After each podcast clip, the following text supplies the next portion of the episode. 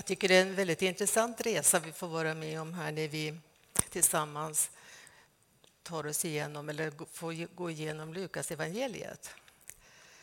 Och eh, han bjuder in oss till möten med människor som är som du och jag. Och att man får möta dem mitt i deras vardag. Många gånger oväntade möten, trasiga möten och möten som leder till helande. Människor som lever i utanförskap och vi får möta dem i ögonhöjd. Vi ser inte ner och tittar på dem där utan när Lukas berättar så möter vi dem precis där de är. Och eh, där jag har eh, förberett mig för den här predikan och fått arbeta med de här texterna så har jag landat i en rubrik. Och den är att våra liv, ditt och mitt liv, det kan få vara en landningsbana för Guds riket in i en trasig värld. Idag, här och nu. Jag kommer att återkomma till den tanken. Det är vanliga människor som vi kan känna igen oss i. Och det kan ju också vara en stor utmaning och en tröst för oss också. Men jag ska börja läsa ifrån Lukas evangeliet första kapitel från vers 26. I den sjätte månaden så blev ängeln Gabriel sänd från Gud till en ung flicka i staden Nasaret i Galileen. Hon hade trolovats med en man av Davids släkt som heter Josef och hennes namn var Maria. Ängeln kom till henne och sa Var hälsad, du högt benådade, Herren är med dig. Och hon blev förskräckt över hans ord och undrade vad den här hälsningen skulle betyda. Då sa ängeln till henne, var inte rädd, Maria. Du har funnit nåd hos Gud. Du ska bli havande och föda en son och du ska ge honom namnet Jesus. Han ska bli stor och kallas den Högstes son. Och Herren Gud ska ge honom hans fader Davids tron och han ska härska över Jakobs hus för evigt och hans välde ska aldrig ta slut. Och Maria sa till ängeln, men hur ska det ske? Jag har ju aldrig haft någon man. Men ängeln svarade henne, helig ande ska komma över dig och den Högstes kraft ska vila över dig. Och därför ska barnet kallas heligt och Guds son. Elisabet, din släkting, väntar också en son nu på sin ålderdom. Hon som sades vara ofruktsam är nu i sjätte månaden. För ingenting är omöjligt för Gud. Och Maria sa, jag är Herrens tjänarinna. Må det ske med mig som du har sagt. Och ängeln lämnade henne. Här skulle man nästan vilja ropa till Gabriel. Hur tänkte du? Vad håller du på med? Hur gick det här till? Du kan väl inte vara omedveten om vad som står i de gamla skrifterna, om vad profeterna har förutsagt? Och enligt profeten Mika så står det klart och tydligt uttalat att Messias ska födas i Betlehem. Och så kommer du till Nasaret. Hur gick det här till? Fel leverans eller? Men vi har facit. Vi vet att Gabriel litade på sin uppdragsgivare. Han hittade rätt adressat, Maria. Och det här med födelseplatsen, det hade han också en plan för, även om ingen kunde se det då. Och borta i Rom hade vi kejsar Augustus som hade höga tankar om sig själv. Han hade tanken att han nog var Gud. Han hade ju mycket att säga till om. Han hade problem med ekonomin och behövde styra upp den. Och han fick i sitt tycke en mycket smart idé hur han skulle kunna ta ut skatt ifrån invånare i områden som han hade lagt under sig. Så han beställde att det skulle utföras en skattskrivning. Han tyckte nog att han var smart. Men vi vet och vi kan tangera också det Bengt läste här att Herren är den som har sista ordet, hur det än ser ut här i världen. Och vi vet att Maria kom dit hon skulle när det var dags att föda. Bibelordet stämde. Gabriel gjorde sitt jobb. Och när himlen överraskande möter människor, möter jorden, då har jag tänkt på att det finns en hälsning som har, lyser igenom. Tidigare i Lukas evangeliet så har vi mött Sakarias som prästen som får veta att han och hans åldrade fru Elisabet att de ska få en son. Där var ängeln med. Maria får ett änglamöte här. Och vi vet också att herdarna i Betlehem också får en hälsning. Men den inleds med den här hälsningen. Var inte rädd. Och den här tror jag att vi måste påminna oss om själva. När vi står i de här vägskälen, när vi kan uppleva ett berörande ifrån Herren, ifrån Gud, eller att han kallar oss. Eller att vi står inför situationer som kan kännas övermäktiga. Eller när vi varken vet ut eller in hur vi ska hantera tillvaron. Att komma ihåg det här är änglaorden. Var inte rädd. För är man rädd, då är det mycket här i livet som kan gå i baklås. Man kan handla och göra oöverlagda saker. Man kan, saker och ting blir värre. Vi är människor.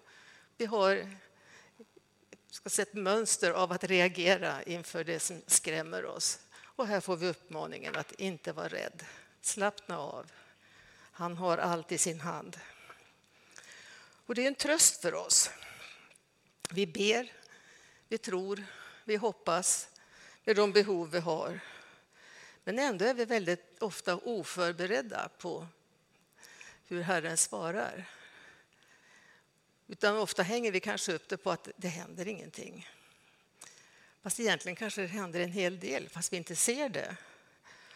Och att det här att be och vänta bönesvar, det är inte som att det går och stoppar pengar eller mynt i en automat och sen väntar du dig att det ska komma någonting väldigt snabbt. Utan vi får vänta i Guds nu, i Guds tid, så stämmer allting. Det budskapet som Maria får här, det är ju en hisnande tanke. En ung tjej som går där hemma i, i vardagsbestyr. Vi vet inte vad hon går och tänker på. Vi vet ju inte hur bråttom hon har, vad hon har gjort tidigare på dagen. Men helt plötsligt så har hon sällskap. Och det är klart att hon ryggar. Vem gör inte det?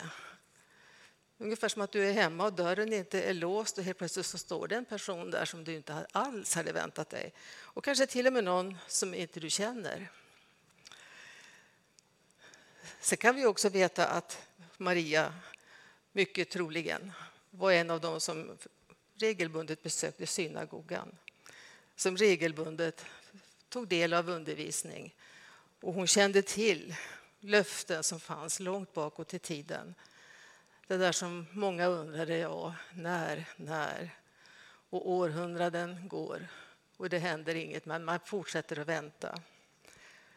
Och jag tänkte läsa från Andra Samuelsboken, det sjunde kapitlet när kung David får ett löfte. Och då dina dagar är till ända och du vilar hos dina fäder så ska jag låta en ättling till dig, en som du själv har avlat, efterträda dig och jag ska trygga hans kungavälde. Han ska bygga ett hus åt mitt namn och jag ska befästa hans kungatron för all framtid. Och jag ska vara hans far och han ska vara min son. Ditt hus och ditt kungavälde ska bestå inför mig i all framtid och din tron ska aldrig vackla. Kanske ringde den här versen eller påminnelsen för Maria där. Hur David, som var en dödlig människa, skulle få en arvinge som skulle regera för evigt.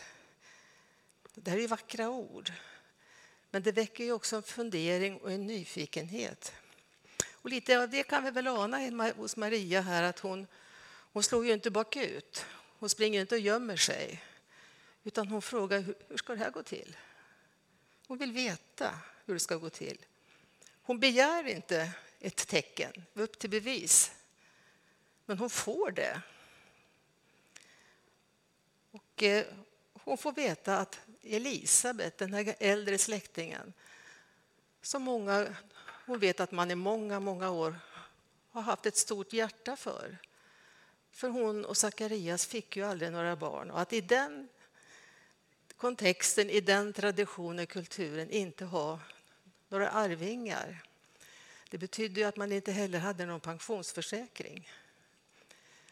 Emanuel var inne på det förra veckan när han predikade över det här. Barnen var ju de som då skulle ta vid. Och jag vet att även min, min farmor och farfar berättade. De var lantbrukare. Och jag minns som barn när vi var där så fanns det en liten stuga där inne alldeles intill där de bodde. Ett fint staket runt. Vi barn fick inte gå in där utan vuxet sällskap för det fanns en brunn. Men det fanns fina äppelträd.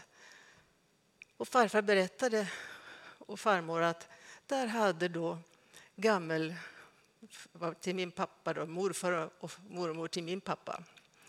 Hans Jonersen och hans Sara fick ju bo där. Men varje höst så skulle de ha en viss del av potatisskörden.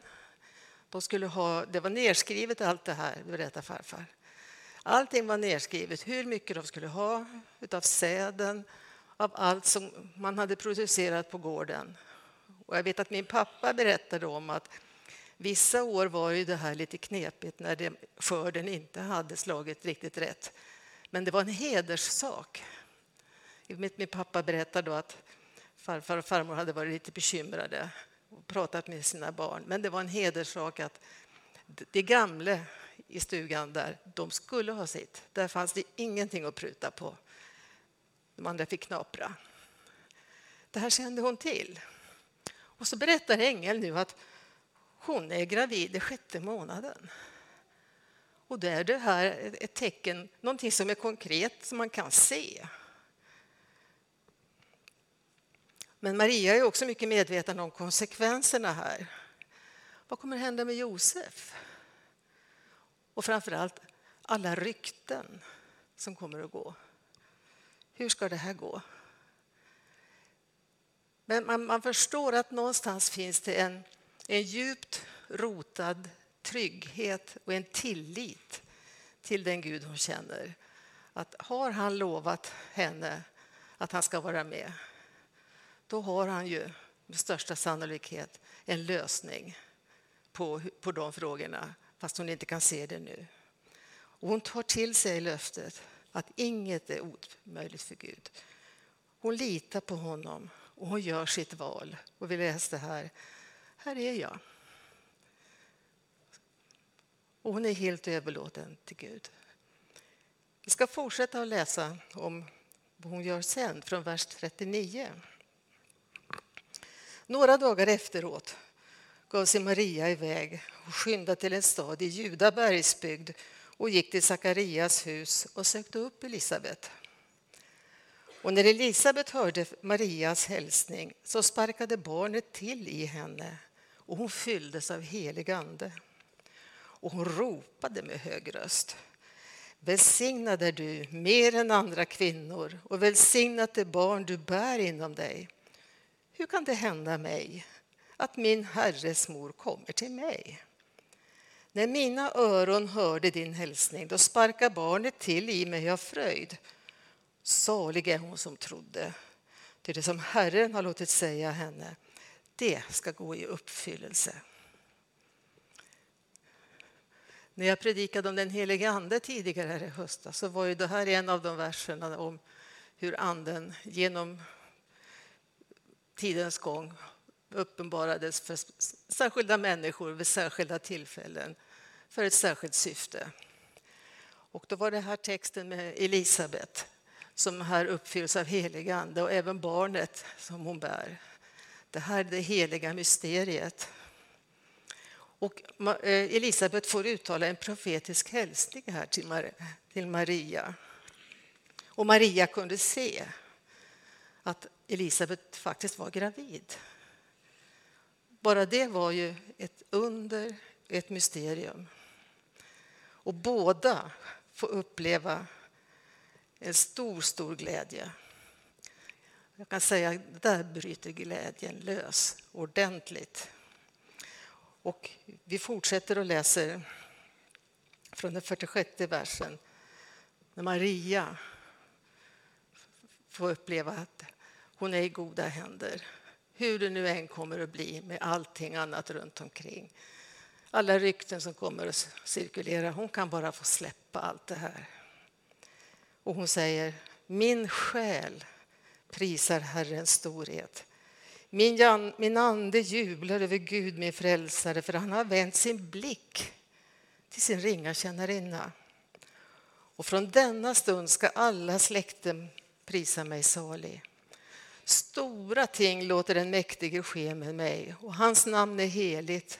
Och hans förbarmande med dem som fruktar honom, det varar från släkte till släkte. Han gör mäktiga verk med sin arm.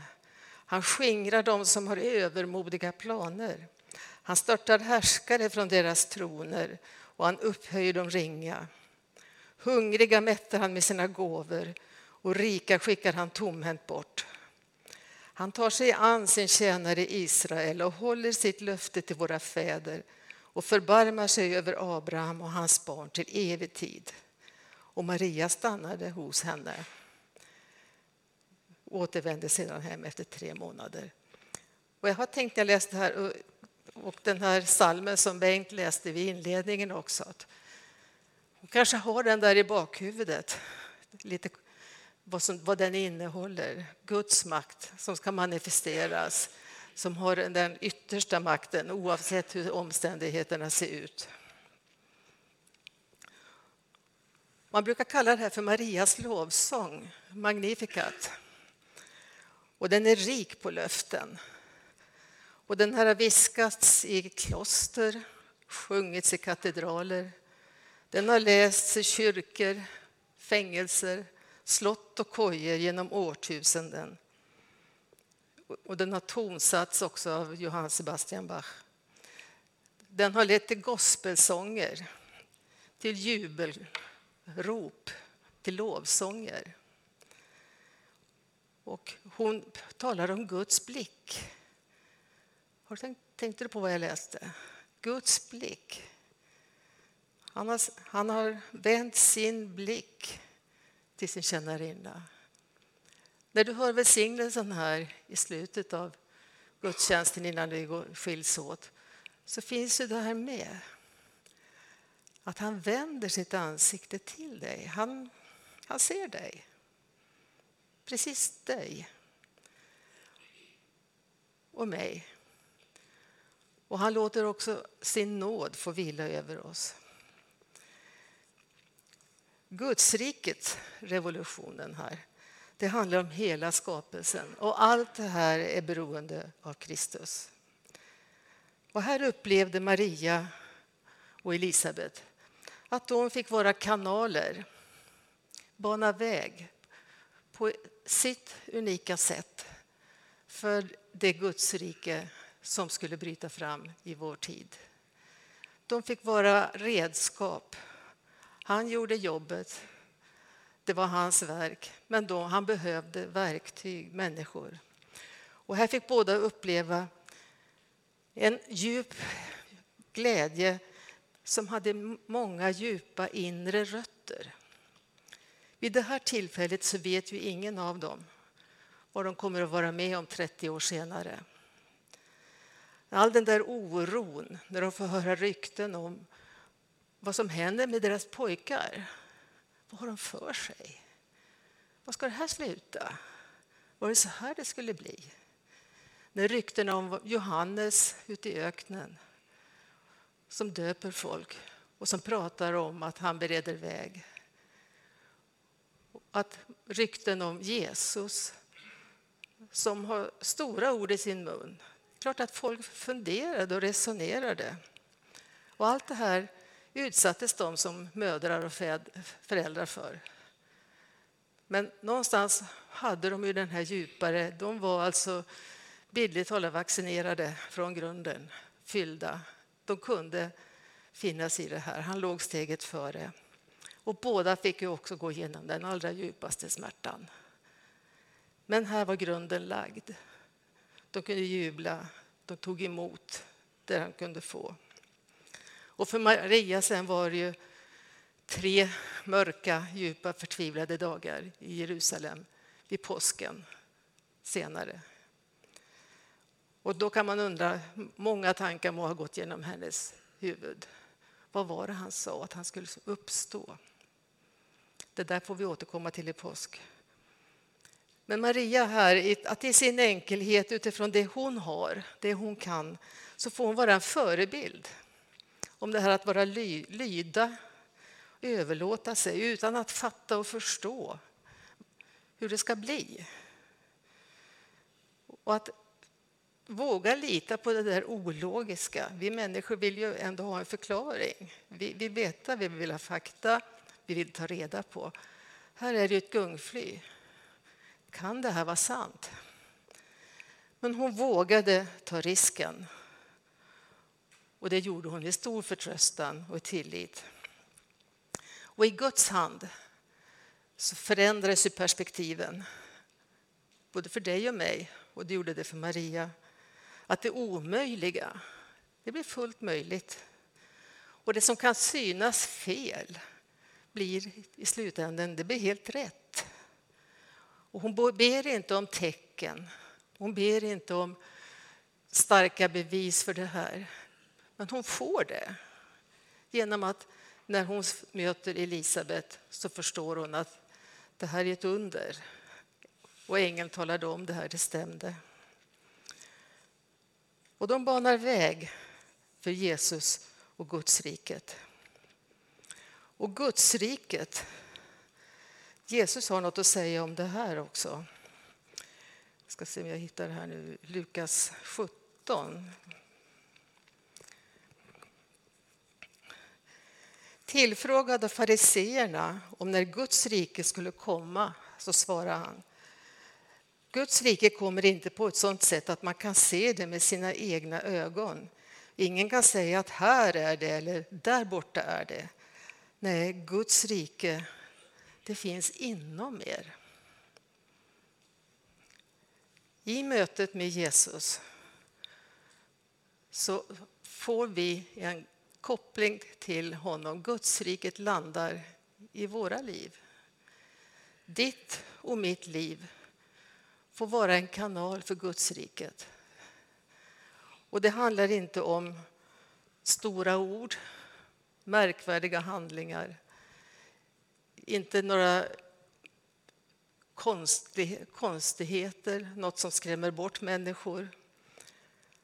Vi får också vara med och bana väg i de personliga sammanhang som vi finns i. Vi får förbereda mark för människor genom att vi lever våra liv. Vi delar vardag på arbetsplatser, bland grannar, bland vänner, bland släktingarna.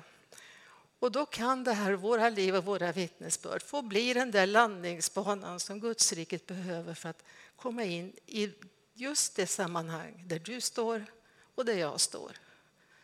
Som är unikt. Ingen annan har samma ingång. Och Paulus han skriver i Andra Korinthierbrevet också att ni är brev ifrån Kristus utskrivet av mig, inte med bläck utan med den levande Gudens ande. Inte på tavlor av sten, utan i era hjärtan på tavlor av kött och blod. Och människor i vår omgivning de läser våra liv, vare sig vi vill det eller inte. Jag kommer att tänka på en sångstrof, en sång som sjöngs för många år sedan. Vad hjälper det att du säger att du tror om ditt liv slår ihjäl dina ord? Att ha en hög bekännelse med livet inte visar, det finns ingen genklang. Och det handlar ju inte om vad vi säger, vad vi gör. Att vi i vår vardag går omkring med Bibeln i hand och predikar för våra kollegor, klasskamrater, whatever. Utan det är hur vi lever. Och många gånger så är vi ju inte ens medvetna om det. Jag fick ett sånt här exempel för tre år sedan, sommaren 2019. Då var det 50 år sedan jag och den klass jag gick i på seminariet i Härnösand, vi tog vår lärarexamen. Och vi har samlats ett par, tre gånger under åren som har gått vid sådana här jubileumstillfällen. Men vi är utspridda över hela landet och eh, jag har inte haft möjlighet att ha någon närkontakt med någon av de här eh, under de åren. Vi har bott så utspridda i olika sammanhang. Man har skickat små hälsningar till varandra, men man har liksom inte levt nära varandra. Eh, vi hade det ganska tufft under vår utbildning där. Det här var på den tiden när man, när man sökte till de här utbildningarna. Så fick man komma ett par dagar och utföra, utsättas för lämplighetstester, lämplighetsprövningar, psykologintervjuer. Och sen körde de väldigt hårt med oss med mycket tentor och instuderingar. Och eh, vi var ju ett härligt gäng från alla möjliga delar av landet. Och vi kom tidigt överens om att alla ska klara det här. Alla ska med. För ibland fick vi höra vid kursmoment att den som inte klarar det här kursmomentet nu så är dörren där. Det här är frivilligt. Så vi pluggade mycket tillsammans, vi hjälptes åt. Då var det en av de här deltagarna, eh, alltså gamla klasskamraterna som kom och ville prata med mig enskilt. Så vi gick undan där i den trädgården på det här stället som man hade hyrt. Hon sa, jag har kollat i förväg här med den som hade eh, ordnat med den här träffen då, för tre år sedan. Jag ville veta bara om du var anmäld, att du skulle komma, för jag ville prata med dig. Det är en sak jag vill berätta för dig. Och då berättade hon att jag vill få tala om för dig att nu har jag en levande, jag har en stark tro. Jag har engagerat mig i kyrkan hemma då på det ställe hon bor, i Svenska kyrkan. Jag är med och sjunger i kören, jag sjunger i solo, jag medverkar i gudstjänsterna. Men jag ville tala om för dig att i den här processen så har du varit viktig. Och jag förstår ingenting. Vi träffades tre år på 60-talet och gick de här tre åren tillsammans. Sen har inte vi haft någon kontakt. Under de åren efter, när hon då, för då var hon inte alls med i, kristna sammanhang. Hon levde ett helt annat liv. Men de här processerna som kom sen, då fanns ju inte jag med. Vi hade ju inte ens kontakt. Ändå står hon och säger det till mig. Och jag, jag förstod ingenting, men jag tackade för uppmuntran. Och vi hade en eh, brevkontakt där på hösten. Jag skickade en hälsning till henne och tackade för att hon hade berättat det här, för jag kände att det här var, det var gott att få veta efter över 50 år. Och då skrev hon tillbaka att när vi hade det kämpigt, då var du trygg och du kändes stabil. Sen hade vi väl tillfällen när vi hade satt och pratat. Jag var inte medveten om, jag vet fortfarande inte riktigt vad det var som hon dockade fast i. Och du vet inte heller vad du har omkring dig. Vilka människor du genom åren har haft kontakt med. Som när de hamnar i situationer när de känner att himmelriket börjar kalla på dem, att du dyker upp någonstans där. Inte på grund av vad du sagt eller gjort, utan du fanns där.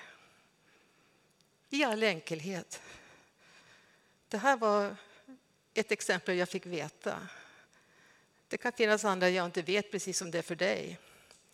Men vi kan vara trygga i att han skickar ut sina Kristusbrev dit där de behövs.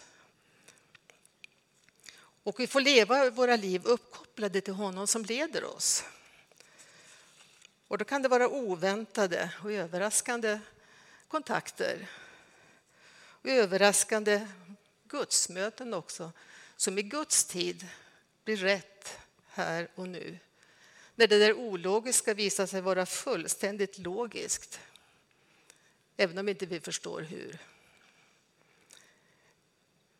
Året efter så fick min gamla klasskamrat, hon blev allvarligt sjuk och avled. Eh, jag fick, fick eh, tag på dödsannonsen sen som familjen hade lagt ut. Och som minne, som vers i den annonsen så står det Du omsluter mig på alla sidor och du håller mig i din hand. Jag tänkte det här är... Hon landade i det. Och det vi hade delat tillsammans det var att vi var trötta, kanske tjuriga ibland. Men vi hjälptes åt med en massa praktiska saker och peppade varann att alla skulle klara de här ibland lite tuffa hindren som vi mötte tillsammans för över 50 år sedan. Och jag skulle vilja säga till dig att när du hör det här så anar du att det kanske finns ett djupare liv än vad du någonsin har hört talas om. Att det kanske känns nästan som att det står en, liten, en dörr på glänt här. Lite skrämmande, men också lite nyfiket. Någonting som lockar. Och jag skulle vilja råda dig, våga ge honom fria händer att leda dig. Och då styr han upp och leder dig för det som var tänkt för ditt liv. Och du får vara dig själv, precis som du är. För att med de egenskaper du har, med dina styrkor och dina svagheter så finns det en plan där just du passar in som den perfekta pusselbiten i pusslet. Och våga ge honom fria händer. Och den där inre längtan du bär på, det där som pockar och som du kanske har försökt släcka både törst och hunger på alla möjliga sätt. Det finns många som erbjuder tekniker för sånt här. Kurser man kan gå för att lära sig hitta den inre ron. Det kostar pengar, men det kanske kan vara värt det, tänker någon. Här finns det något som inte kostar pengar, men det kräver att det är du som väljer. Och han kan fylla den där inre längtan som du bär på och den där törsten, det där som gnager i dig. Det kan han mätta med frid. Och jag ska citera från Romarbrevets 10 där Paulus skriver att om du med din mun bekänner att Jesus är Herre och i ditt hjärta tror att Gud har uppväckt honom från de döda, då ska du bli räddad. Och det är samma ord som vi brukar använda för frälst. Hjärtats tro och munnens bekännelse. Det här är ett löfte vi har fått och vi är många här som har testat det här. Och vi har upplevt att det stämmer och att det håller. Det betyder inte att livet blir lätt och enkelt alla gånger. Men när man ser tillbaka så kan man se att vi är de allra svåraste bråddjupen som man går igenom som människa på jorden här och nu, så är man inte ensam. Det finns en, någon, en hand som håller en så att man inte går under. Man får bara vila. Och vi ska inte krångla till det. Men nu är det så här också att Jesus han tränger sig inte på. Han står inte och tjatar på dig. Utan han, han inväntar dig. Han ger dig ett erbjudande. Sen är det upp till dig. Och han erbjuder dig nåd och förlåtelse och frid. Som jag anknöt till välsignelsen här, att hans ansikte ska lysa över dig med nåd. Det spelar ingen roll vad du har i bagaget. Han är inte ute för att leta efter fel. Nåd. Idel nåd. Och så vänder sitt ansikte till dig. Du är sedd. Vi har vi brukar i våra gudstjänster be en bön tillsammans som är lite av en, den är vår bekännelse. Jesus, jag ger dig mitt liv. Och vi ska göra det strax tillsammans.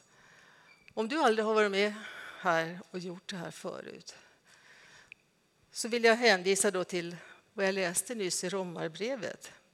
Att man tror i sitt hjärta. Och det, den tron behöver inte vara stark. du har en stark längtan efter något, det räcker. Det är, så kan tron se ut. Att man längtar, och måtte det vara sant, måtte det vara sant. Det är den tron du kan prestera, tänker du. Och du kan tala om för dig att den räcker. Och om du sen med din mun vill bekänna det här, att det här är, vill jag ta till mig, jag vill att det här ska bli mitt. Och då får du gärna be med i den här bönen från hjärtat. Vi ska be den tillsammans. Jesus, jag ger dig mitt liv. Vi tar den på tre. Ett, två, tre. Jesus, jag ger dig mitt liv. Det här är en uppmaning till oss att få en kontakt. Och är det här första gången som du har bett den här bönen eller första gången du har bett den på allvar, du kanske har läst med förut, så är det det här första steget på en lång vandring. En vandring som kommer att bära dig ända in i evigheten. Och då ska du vara frimodig. Du kan berätta det här för någon. Någon du har förtroende för. I slutet av gudstjänsten här så kommer det att finnas förebedjare här ute i loungen där det är avskilt utan att någon behöver se att du, att du går dit ens kanske. Som är beredda att samtala med dig om du har frågor och funderingar. Att du får berätta det här. Eller om du också har något som du känner att du vill ha hjälp i förbön. Men Gud är ingen automat att man stoppar in det här vill jag ha, svara nu. Det är inte den typen av böner. Det här är hjärtats rop efter frid, att få kontakt med jordens och himmelens skapare, din far som vill ditt allra, allra bästa. Jag tror vi slutar där. Sen ska vi övergå i nattvardsfirande och under nattvardsgången här så finns förebedjare här ute som du kan ta kontakt med. Eller prata med någon annan av oss också. Men ta, låt honom inte stå och vänta i onödan, för han kommer inte att tjata på dig, han kommer inte att jaga dig. Men du får ett erbjudande och då ligger bollen hos dig. Gud välsigne dig.